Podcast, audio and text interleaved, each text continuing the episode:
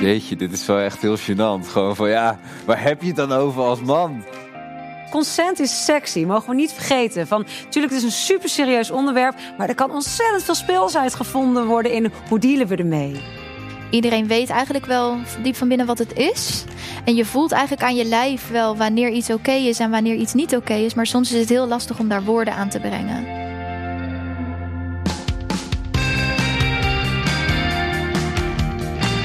Kennis is er om gedeeld te worden.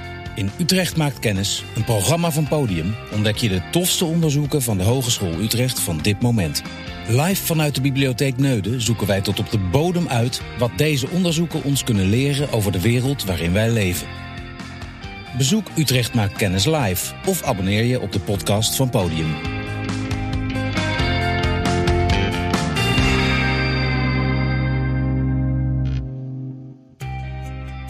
Vijf jaar na MeToo zijn we nog weinig opgeschoten. Berichten over grensoverschrijdend gedrag vliegen ons bijna dagelijks om de oren. Hoe kan dat? En wat kunnen we doen om wederzijdse toestemming tot norm te verheffen? In deze editie van Utrecht maakt kennis praten we over het bewaken van je grenzen en hoe sekseducatie daarbij kan helpen. Te gast zijn social work student Mabel Bosboom, onderzoeker Kees Hoefnagels van het lectoraat Jeugd van de HU en Daphne Gakes, maker van de podcast Tussen de Lakens en docent Youth and Sexuality van de Universiteit Utrecht. De live presentatie is in handen van Patrick Nederkoorn en Eline Donker.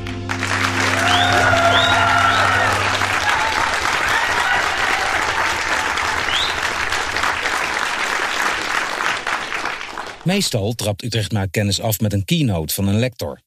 Deze keer doen we dat anders. Social work student Mabel Bosboom vertelt over haar onderzoek onder huurstudenten. Ze vroeg studenten naar hun ervaringen met seksueel grensoverschrijdend gedrag en miscommunicatie rondom consent. Haar introductie is een persoonlijke ervaring daarmee. Ze trof als meisje van 16 een jongen die ondanks duidelijke signalen niet van ophouden wilde weten. Dus ik probeerde zijn hand weg te duwen, maar hij was gewoon echt heel erg sterk. Dus begon ik me nog verbaler uit te drukken. Ik wil dit niet, stop nu. Ik heb dit nog nooit gedaan en ik heb al meerdere malen aangegeven dat ik dit niet wil. Nou, op een gegeven moment zei hij: Joh, je schreeuwt. Zullen we anders de matras even verplaatsen naar de bijkeuken? Want dan hebben de anderen geen last van ons.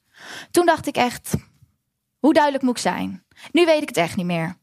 Op een gegeven moment ben ik in slaap gevallen, heb ik hem genegeerd. En ik weet niet hoe ik in slaap ben gevallen, maar het is gelukt. De volgende ochtend werd ik wakker en um, ben ik zo snel mogelijk daar met die vriendin weggegaan. Uh, heb ik afstand genomen van die vriendengroep. En heb ik dit verhaal eigenlijk tegen niemand verteld. Omdat ik bang was, als ik dit vertel, um, dan wordt het echt. En dan is het echt gebeurd. En ik wilde dat niet. Ik wilde dit gewoon zien als een ervaring. Wat gebeurd was voor mijzelf. Maar wat ik gewoon, waar ik overheen wilde stappen. Van jongen, dit was een avond, laten we dit vergeten. Maar elk verhaal over grensoverschrijdend gedrag is een verhaal over consent. Nu vraag ik me af, was ik zo naïef dat ik met deze jongen in de club stond en had ik zijn intenties moeten weten? Was het zoenen voor hem consent voor seks? Had ik dat anders aan moeten geven? Was mijn ik wil het niet zijn manier van, oh, misschien moet ik het nog wat meer proberen. Misschien moet ik nog wat beter mijn best doen. Mede ingegeven door haar eigen nare ervaring, besloot Mabel onderzoek te gaan doen naar consent. Uh, consent lijkt een heel makkelijk begrip en het komt voor in heel veel literatuur en het komt vaak terug. Maar toch is het niet zo vanzelfsprekend als het lijkt. Iedereen weet eigenlijk wel diep van binnen wat het is. En je voelt eigenlijk aan je lijf wel wanneer iets oké is en wanneer iets niet oké is. Maar soms is het heel lastig om daar woorden aan te brengen. Wat is consent? Consent is een vrij moeilijk begrip. Terwijl iedereen eigenlijk wel weet wat het precies is. Je lichaam weet hoe het voelt, je lichaam weet wat het is. Alleen soms is het heel erg lastig om dat onder woorden te brengen. Ze hebben het Fries-model vanuit Amerika in het leven geroepen om consent te definiëren. De F staat voor freely given. Dat houdt in dat je het zonder dwang, zonder bedreiging geeft. Dus je geeft, een, geeft het vanuit je vrije wil. Reversible. Consent kan altijd worden ingetrokken. Dat ik een gisteren heb gezegd dat ik iets wil, dat ik vijf minuten geleden heb gezegd dat ik iets wil, wil niet zeggen dat dat nu nog steeds geldt. Je kan altijd je uh, consent intrekken. Hoe goed de situatie ook verloopt, hoe fijn je je er ook bij voelt. Het, hoeft zo, het kan zo zijn dat je denkt, joh, ik wil tot hier en ik wil eigenlijk niet verder. Ik vind het eigenlijk wel goed zoals het nu is. Informed. Dat betekent dat je eigenlijk altijd geïnformeerd bent over de consent die je geeft. Over de specifieke handeling van oké, waar geef ik precies consent voor? Welke risico's komen erbij kijken als ik deze consent geef? Eventuele SOA's of een zwangerschap bijvoorbeeld. Enthusiastic. Enthusiastic wil zeggen een enthousiaste ja. Ja, ik wil dit en ik stem in. Niet een twijfel met ja, ik denk eigenlijk wel dat, ik, dat het goed is zo. Laten, we, laten we het maar gewoon doen. Nee, enthusiastic wil zeggen een enthousiaste ja. Je hebt geen twijfels over waarmee je instemt. En specific, dat wil, komt een beetje terug op informed. Je geeft eigenlijk consent over een specifieke handeling. Dus dat je met iemand zoent wil niet zeggen dat je gelijk instemt met seks. Dus voor elke specifieke handeling, seksuele handeling, geef je opnieuw consent of hoor je opnieuw consent te geven. Wat me opviel was dat non-consent veel verbaler geuit wordt. Dus er wordt veel sneller gezegd: joh, dit wil ik niet, blijf van me af. En daarbij laten ze ook non-verbale gedragingen zien, zoals een stapje achteruit doen, of negeren, dichtslaan, uh, verlegen worden, niet die persoon meer aankijken. Um, toch zijn er een aantal redenen waarom um, mensen of studenten geen eh, non-consent durven geven. En dat wil, kan te maken hebben met bijvoorbeeld schuldgevoelens tegenover de ander, de ander niet willen kwetsen, schaamte van um, en angst voor wat de ander wel niet mag gaat doen of mag vinden als die persoon uh, wordt, af, of wordt afgewezen. Waarom wordt consent niet vaak verbaal gegeven? Dit zijn een aantal woorden wat in mijn uh, onderzoek veel naar voren kwam. Je ziet dat toch wel dat iemand consent geeft. Het is een moedkiller. Als je in het moment bent met die persoon en je bent zo lekker bezig en je bent in de flow, waarom moet je het moment dan stoppen om dan toch even bij die persoon te checken of het allemaal wel oké is? Je merkt wel aan hij of zij of die wat wil. Het is een intens moment. Dan ga ik toch niet vragen: mag ik je doen? Het kraakt het moment af en het is ongemakkelijk. Dat zijn allemaal redenen waarom studenten veel meer uitgaan op het non-verbale consent dan in plaats van het, het verbale consent. Verwachtingen worden al dan niet uitgesproken, interpretaties kunnen verschillen. Zulke miscommunicaties kunnen leiden tot vervelende situaties. Een voorbeeld. Als je met iemand in de club staat en je hebt met die persoon gezoend en die persoon vraagt: ga je met mij naar huis? Kan die persoon die het vraagt een bepaalde, um, een bepaalde verwachting hebben van wat er gaat gebeuren? Dus die persoon gaat daarbij mee, maar die kan een hele andere verwachting hebben. Dus de verwachtingen worden niet duidelijk uitgesproken, waardoor er miscommunicaties kunnen ontstaan. Hoe kunnen we al die miscommunicaties nu aanpakken? Ook dat onderzocht Mabel. Het is geen makkelijke taak, omdat er zoveel verschillende miscommunicaties bestaan. Um, wat ook jaren en jaren teruggaat. Dus dat is heel erg lastig. Maar wat ik wil doen met, um, met mijn onderzoek is een spel oprichten. Wat gaat over consent. En dat gaat heten Wil jij wel wat ik wil? En dat gaat bestaan uit kaartspelletjes, uh, uit kaartjes met bepaalde vragen erop als: Oké, maar hoe laat jij zien dat je consent geeft?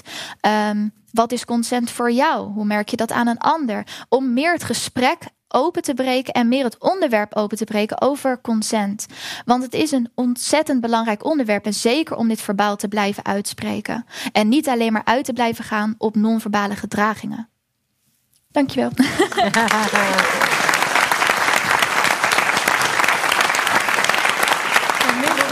Je mag weer lekker plaatsnemen yes. op de bank. En ook fijn dat je zo open was aan het begin. Zeker. Vond, je, dat, vond je dat lastig? Nee, ik vond het niet lastig. Ik heb wel erover nagedacht. En toen dacht ik, ja, ik ben hier zo lang al mee bezig. Uh, met consent en met seksueel grensoverschrijdend gedrag. En ik heb het altijd natuurlijk een beetje verdrongen in mezelf uh, dat dit verhaal bestond.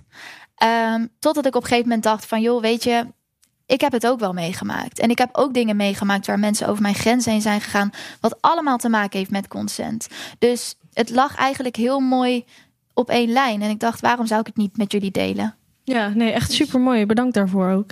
Uh, Kees Hoefnagels van het lectoraat Jeugd. Je mag, uh, je mag er ook bij komen zitten. Uh, ja, groot applaus. Ja, ik wil echt, echt mijn vette complimenten geven wat je hebt gedaan. Echt fantastisch. Het is, en je bent heel precies. Je bent ook heel persoonlijk geweest, maar ook heel precies. En dus feitelijk dicht bij de data. Mhm. Maar je abstraheert ook van die data. Naar gevoelens, naar gedrag, naar moreel besef. Ontwikkelingspsychologisch. Want je jongens van 24 die over hun 16e praten. Dus, dat je, Ja. dus, dus op zoveel niveaus heb je naar de, de werkelijkheid, deze akelige werkelijkheid gekeken. En je bent er ook niet in, in helemaal weggezakt. Je blijft, je ontwikkelt een spel, ga je maken. Ja. Weet je? Dus je tilt jezelf er ook uit. Ik vind Ja, het echt is dat heel ook een goed. manier om deze materie eh, wat bespreekbaarder te maken, om het speels te Ja. maken? Ja. Ik heb er eerst heel lang zitten, over na zitten denken: oké, maar wat kan er dan allemaal gedaan worden? En toen dacht ik, ja, ik kan vanuit de Hogeschool Utrecht inspiratiecolleges misschien gaan voorbereiden. Toen dacht ik, ja, maar dan is het ook, studenten mogen daar vrijwillig naartoe. Ehm, de studenten die het interesseren gaan er naartoe. Maar studenten die het niet interesseren gaan er niet naartoe. En wat ik ook zo belangrijk vind is een pedagogiekopleiding, een social work opleiding komen veel meer krijgen veel meer te maken met dit thema. Dus die krijgen hier ook wel hè, veel meer in mee dan bijvoorbeeld een student vanuit commerciële economie of ICT. Die krijgt hier over consent krijgen zij geen lessen. Dus daarom vind ik het juist belangrijk dat alle opleidingen juist iets meekrijgen op een laagdrempelige manier over consent. Je kan dit, zo'n spelletje kan je erbij pakken als je met je, met je vrienden bent een keer. Of binnen je leerteam. Eh, je kan het hè, op, een, ja, op een hele laagdrempelige manier kan je het eventjes erbij pakken. Waardoor inderdaad die informatie en die bespreekbaarheid meer ontstaat. En je hebt ook een onderscheid gemaakt tussen jongens Ja. en eh, meisjes. Ja. Zijn er hele opvallende dingen uitgekomen die je van tevoren niet had verwacht? Ehm, nou, eigenlijk qua consentcommunicatie liep het vrij wel gelijk. Toch kwam er wel vaker naar voren dat er van de man verwacht wordt consent te vragen. Terwijl in mijn onder dat, dat kwam vanuit de literatuur naar voren. eh, totdat ik dat in mijn onderzoek ging bespreken met de jongeren of met de studenten. En die zeiden eigenlijk: ja, maar dat is eigenlijk helemaal niet zo, want het ligt aan de initiatiefnemer. Degene die het, het initiatief neemt om seks te hebben of om seksuele handelingen te doen, moet consent vragen. Dus die ga- gingen uit van de initiatiefnemer. Dat kan zijn of het meisje of de jongen. Dat ligt maar net aan de situatie. Terwijl het eigenlijk hè, het beste zou zijn, maakt niet uit wie het initieert. Je blijft het gewoon bij elkaar checken. We hadden het aan het begin even over seksuele voorlichting. Hè? Dat zit eigenlijk tussen die hele fase aan het begin van het kleine Ja. kind en, en Ja. deze fase eigenlijk, Ja. waar je nu dat spel voor hebt ontwikkeld. Zou daar ook het taboe eigenlijk af moeten en het gesprek veel meer gevoerd moeten worden? Ja. Maar Hoe zou, hoe zou, als jij daarnaar kijkt, we proberen vandaag natuurlijk die koppeling te maken als het gaat over, over seksuele voorlichting. Hoe, hoe zou die moeten veranderen volgens jou? Nou, veel meer over je wensen en je grenzen.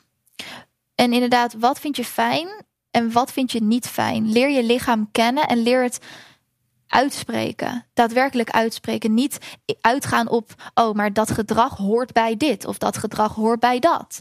Maar leer het verbaal maken. Dat je inderdaad je gedrag onder woorden kan brengen met bepaalde zinnen. Ja. Van, oh, ik vind het wel fijn als je dit doet. Of, oh, je raakt me nu op deze plek aan. Dat wil ik eigenlijk helemaal niet, want het voelt niet goed. Dus veel meer verbaal leren maken. Wat, wat zijn je wensen? Wat zijn je grenzen? En als je dat als acht, negenjarig kind al leert, dan is het als je 16 bent een stuk makkelijker om te doen. Precies. Mag ik op de inhoud nog eens Ja, Kees, Wat, zeker. wat zo sterk is in bijvoorbeeld bij dat idee van het spel. Mm. Ook als spel gewoon in de studentenleeftijd. Ja, Je benadrukt ook telkens dat de- het belang van dat consent verbaal gegeven Ja. moet worden. En daarover is gewoon maatschappelijk ongemak. ja. Breed. ja, maar dat is het. Er zitten heel veel stigma's heersen erop. Terwijl je hoeft niet letterlijk aan iemand te kijken. Natuurlijk zou dat het allerbest zijn, maar je hoeft niet letterlijk aan iemand te vragen: wil je nu seks met mij? Of weet je, maar je kan ook al.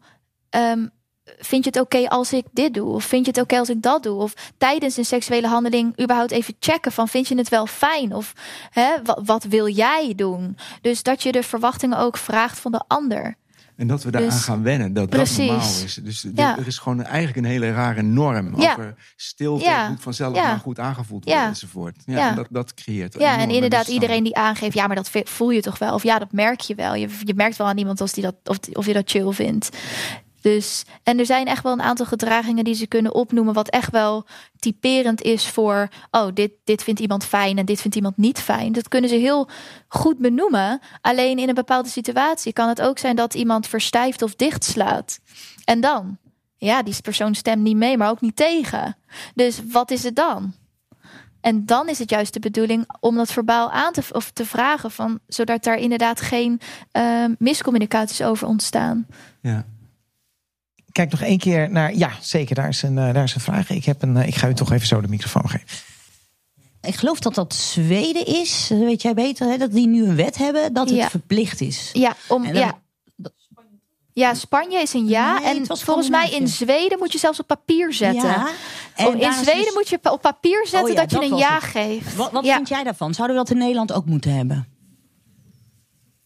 Um, nou, ik denk goed dat sowieso consent meenemen in de wet um, heel goed is. En dat is puur en alleen om de sociale norm te veranderen. Ik weet je, jullie weten misschien allemaal wel, verkrachting is ontzettend moeilijk om te bewijzen. En zeker omdat juist als er verkrachting of iets plaats heeft gevonden, dat mensen daar niet binnen een week gelijk mee uitkomen en zich laten onderzoeken.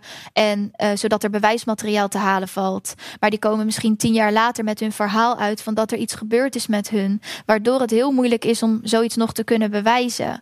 Maar ik denk zeker dat het goed is om de sociale norm te veranderen. Dus om een consentvorm mee te geven in de wet. Van verkrachting is niet alleen gedwongen en hoeft niet alleen te zijn door een onbekende man in een steegje. Maar het kan ook zijn door iemand die je al langer kent. En je hebt gewoon eigenlijk aangegeven dat je het niet wilde, maar het is toch gegaan of gebeurd. Dus iemand is over jouw grens heen gegaan.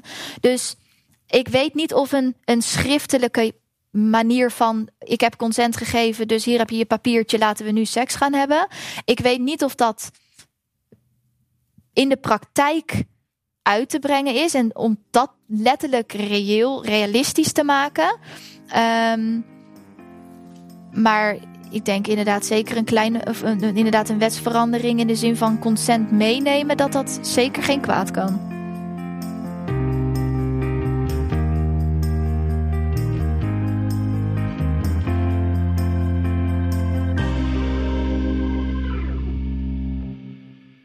Ze maakt podcasts over seks en schrijft, spreekt en doseert daarover.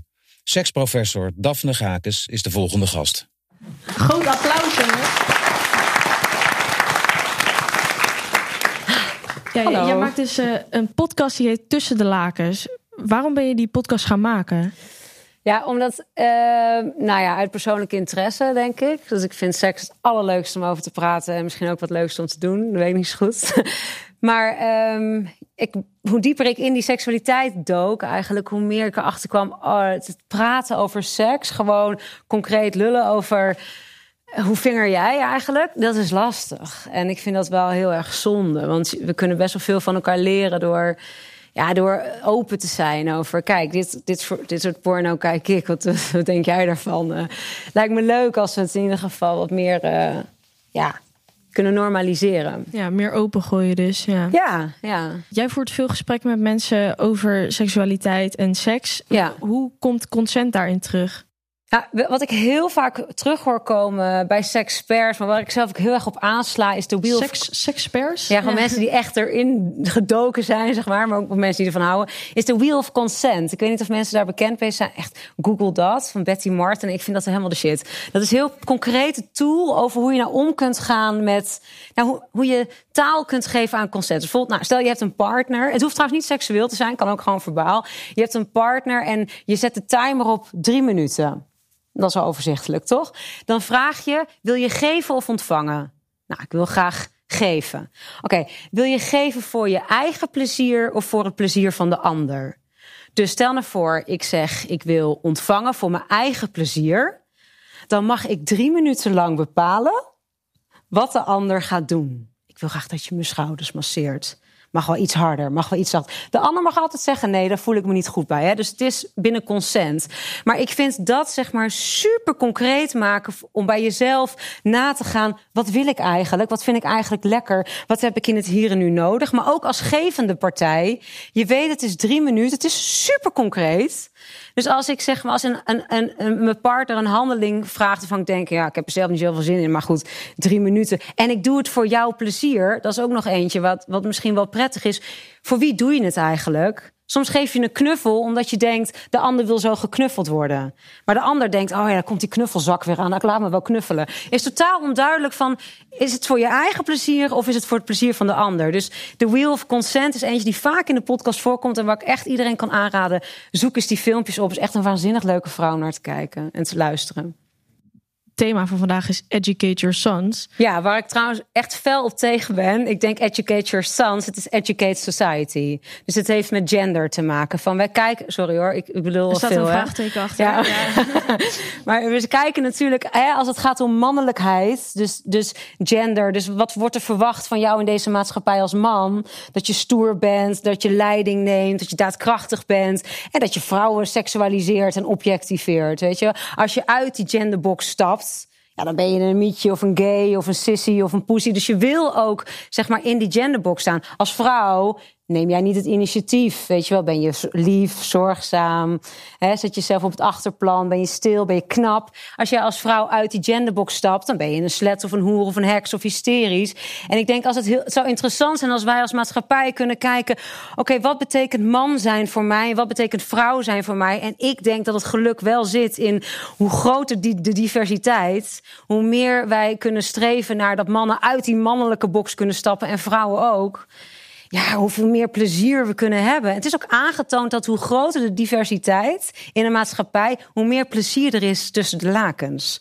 Dus ik streef echt naar uh, mannen verwijf jezelf en uh, vrouwen verman jezelf. Allemaal op hakken, kerels. Net als in haar podcast duikt Daphne voor Utrecht maakt kennis tussen de lakens voor een goed gesprek over seks. Bedgenoten, de huisstudenten Siete en Amber.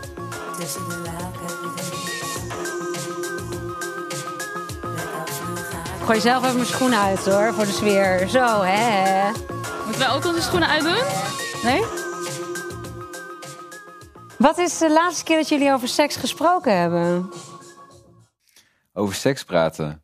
Ja, over het, in over het algemeen is het gewoon prima. Maar dan is het vaak ook met gasten. Of... En met bier toch vaak ook wel? Of iets van drank? Ja, ja zeker. Ja. Studentenverenigingen. Ik ben ook zit sinds kort in het bestuur. Dus uh, daar gebeurt het wel regelmatig. Maar over ongemakkelijke momenten die zijn er wel zelden. Echt oh, waar je dan wel merkt van, oh, daar, daar voel ik me wel ongemakkelijk over. Hey, En je zegt van, dat doet met, met mannen onderling, bedoel je? Over het algemeen wel. En waar heb je het dan over? Ja, jeetje, dit is wel echt heel gênant. Gewoon van, ja, waar heb je het dan over Ja, je zit er toch, ja. Ja, Nou ja, ik heb wel eens mannen gesproken die, die, die zitten dan weer te kletsen van ja, weet je, het gaat meestal over en mag je er alweer op en hoe vaak doe je het en ja, dan kan ze een beetje pijpen. Dat is voor mij, dat is zeg maar een andere generatie. Dat Herkenbaar? ja. Nee, ik denk dat ik er ook die. Nee, daar ben ik ook een beetje overheen gegroeid. Dat is niks voor mij. Consent, is het een thema wat in jullie. Is het een thema waar jullie mee bezig zijn? Amber? Ja, zeker wel. Uh, misschien nu iets meer dan vroeger. Uh, ja, wat ook aan het begin van het programma is gezegd, hoe Eline ook al zei, hoe haar uh, seksuele educatie was ja. op school, daar kan denk ik wel bijna iedereen zich in herkennen. Voor jou was dat ook zo? Ja, ik heb. Want dat werd eh, gegeven door? Ja, mijn biologiedocent. Ah. ik heb uh, zelf mijn middelbare school in Suriname gedaan en daar is de cultuur ook wel iets anders. Um, daar is er sowieso al, wordt er sowieso al niet heel makkelijk gepraat over taboe onderwerpen. Mental health is daar niet zo'n ding als bijvoorbeeld hier in de westerse wereld. Ja. Um, dus ja, ik denk dat communicatie wel de basis is van um, ja, eigenlijk heel veel problemen, waaronder ook consent. Um, en wat we daar basically hebben gekregen is wat, is, wat zijn de onderdelen van geslachtsorganen? Wat komt eruit, wat gaat erin? En kwam de clitoris wel in volle anatomie in beeld? Of was het een, een speldenknopje? Ja, een bladzijde van ja, ja. Misschien een kleine... Ja. Nee, het is maar, trouwens uh, inderdaad wel waar dat... Uh, als je, kijkt, als je het wereldwijd bekijkt, dat Nederland vooruitstrevend is. Dat gaat, het gaat om seksuele vorming. En als onze seksuele vorming dan een biologiedocent waarbij je een condoom onder een naam schuift, dan denk ik wat doet de rest van de wereld dan? Maar er wordt inderdaad wel heel erg gekeken naar uh, Nederland met zijn vrije liberale opvatting, wat wel interessant is. Zowel Siete als Amber heeft een keer te maken gehad met grensoverschrijdend gedrag.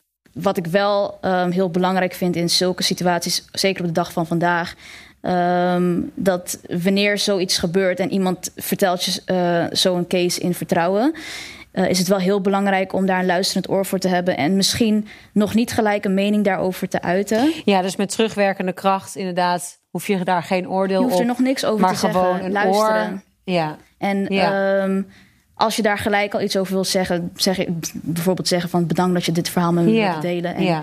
Uh, ik begrijp het. Ja. Want um, in zulke situaties is het denk ik gewoon heel belangrijk dat je weet dat er mensen met je zijn en um, ja, je daarin steunen. En dat je niet denkt van ik ben hier de gek of zo. Ja, ik vind het supergoed. We zeggen net ook aansnijdt van als het gaat om consent. Het is super fijn als je taal creëert hè, om een nee of een ja te zeggen. Maar het is ook heel belangrijk dat je taal creëert om iets te ontvangen. En, wat, en dat is, dat ga, daar gaat namelijk ook heel veel situaties gaan daar uh, mis. Dankjewel.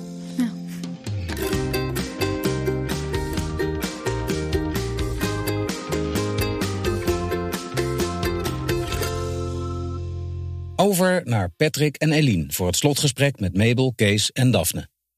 Um, we hadden het net over uh, seksuele voorlichting, dat is de voorkant. Maar ik zou het graag heel even willen hebben over, over de achterkant. Dus als je iets vervelends hebt meegemaakt, hoe ga je ermee om? Dus op welke manier, als we dus allemaal in ons leven ongeveer hiermee te maken krijgen op een gegeven moment. Welke stappen kun je zetten om dat een onderdeel van je leven te maken? Ja, er is wel veel onderzoek gedaan. Um ja, bijvoorbeeld als je er een, een posttraumatische stressstoornis aan overhoudt, bijvoorbeeld. En dan zijn er therapieën voor. Dus daar is over nagedacht.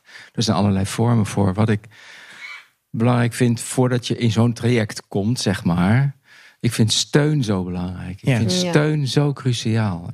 Als er iets gebeurt, je zou je verzekerd moeten weten van steun. Ja. Eigenlijk, dat zou de basis moeten zijn. En de basis lijkt nu wel andersom. Van, hm, oké, had je dat? Hm. Ik denk dat je consent geven, dat, het je, dat je het ook moet leren. Dus 100%. Het is, ja, dus het is volgens mij ook heel goed om je soms te realiseren... hey, in die situatie heb ik het heel goed gedaan. Heb ik heel goed aangevoeld. Of, ik, ja, hè, wat, of, of ik deed wat ik fijn vond. Of, hè. Het is ook goed om, om je die momenten, denk ik, te realiseren. Ja, zeker. Ik zie hier een vraag uit het publiek. Misschien ook een soort van opmerking nog wat ik zelf erg heb gemerkt bij seksuele voorlichting is dat het vooral ook gaat over het biologische aspect, over voortplanting. En dat er eigenlijk helemaal geen aandacht wordt besteed aan plezier. En als er überhaupt geen plezier is, kan je ook met consent moeilijk uh, daarover praten. Ik denk dat dat ook een heel belangrijk onderdeel is wat bij seksuele voorlichting meer belicht zou moeten worden. Ja, dat is misschien een beetje naar aanleiding van, van jouw verhaal, Mabel. Want ja, jouw verhaal kwam heel goed mij over alsof je heel duidelijk je consent aangaf dat het er niet was. En toen dacht ik, hoe moet dit geleerd worden? Je gaf het al zo goed aan. Mhm. Die toen je 16 was en daar voor het eerst mee te maken had, maar die, die ander ontving dat gewoon niet, jouw consent. Nee. nee. ja, is, is dat überhaupt mogelijk? Ja, um, met, met voorlichting. Want het klinkt alsof sommige mensen gewoon willens en wetens een consent niet aanvaarden. Ik weet niet hoe jij nog meer nee had moeten zeggen nee, eigenlijk. Zeker. En dan is het vanuit de rol van de jongen zo van...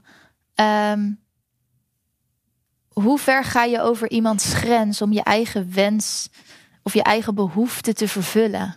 Dus dan is het het stukje van de man. Kijk naar jezelf en je stelt je, weet je, voor een man, tuurlijk is het eh, net zoals voor een vrouw, is het kwetsbaar om te horen van nee, ik wil niet. Want je voelt een bepaalde soort van afwijzing die je misschien niet wil um, of wil horen.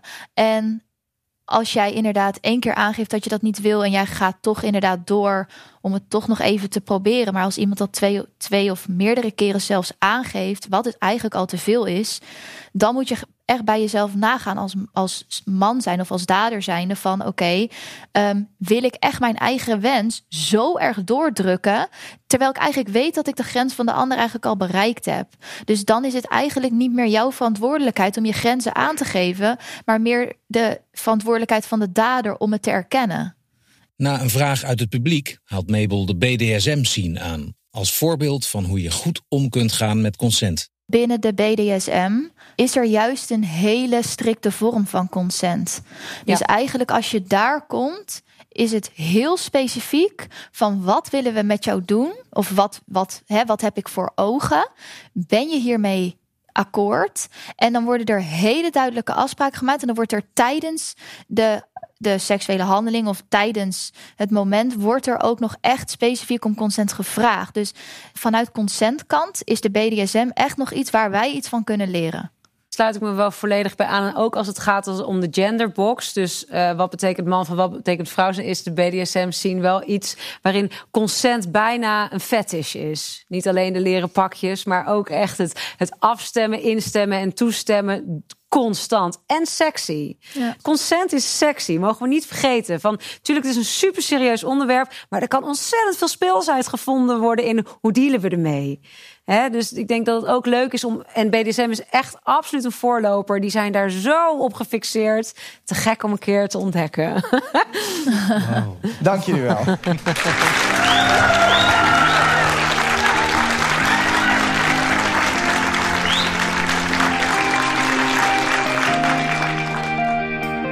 Wil jij Utrecht maakt kennis of een ander programma van Podium live meemaken? Kijk op podium.hu.nl/slash agenda voor de komende data. Of volg Podium op Insta via podium.hu. Vond je dit een interessante podcast? Laat dan een review achter in je favoriete podcast-app. Gasten in deze aflevering waren Mabel Bosboom, Kees Hoefnagels, Daphne Gakes, Siete Vermeulen en Amber Hoesijn. Live presentatie Patrick Nederkoorn en Eline Donker. Redactie Alinde Hoeksma, Amber Hoesijn en Eline Donker. Partner Bibliotheek Neuden. Deze podcast werd geproduceerd door Matthijs Duringhof en Michiel van Ruitenbeek.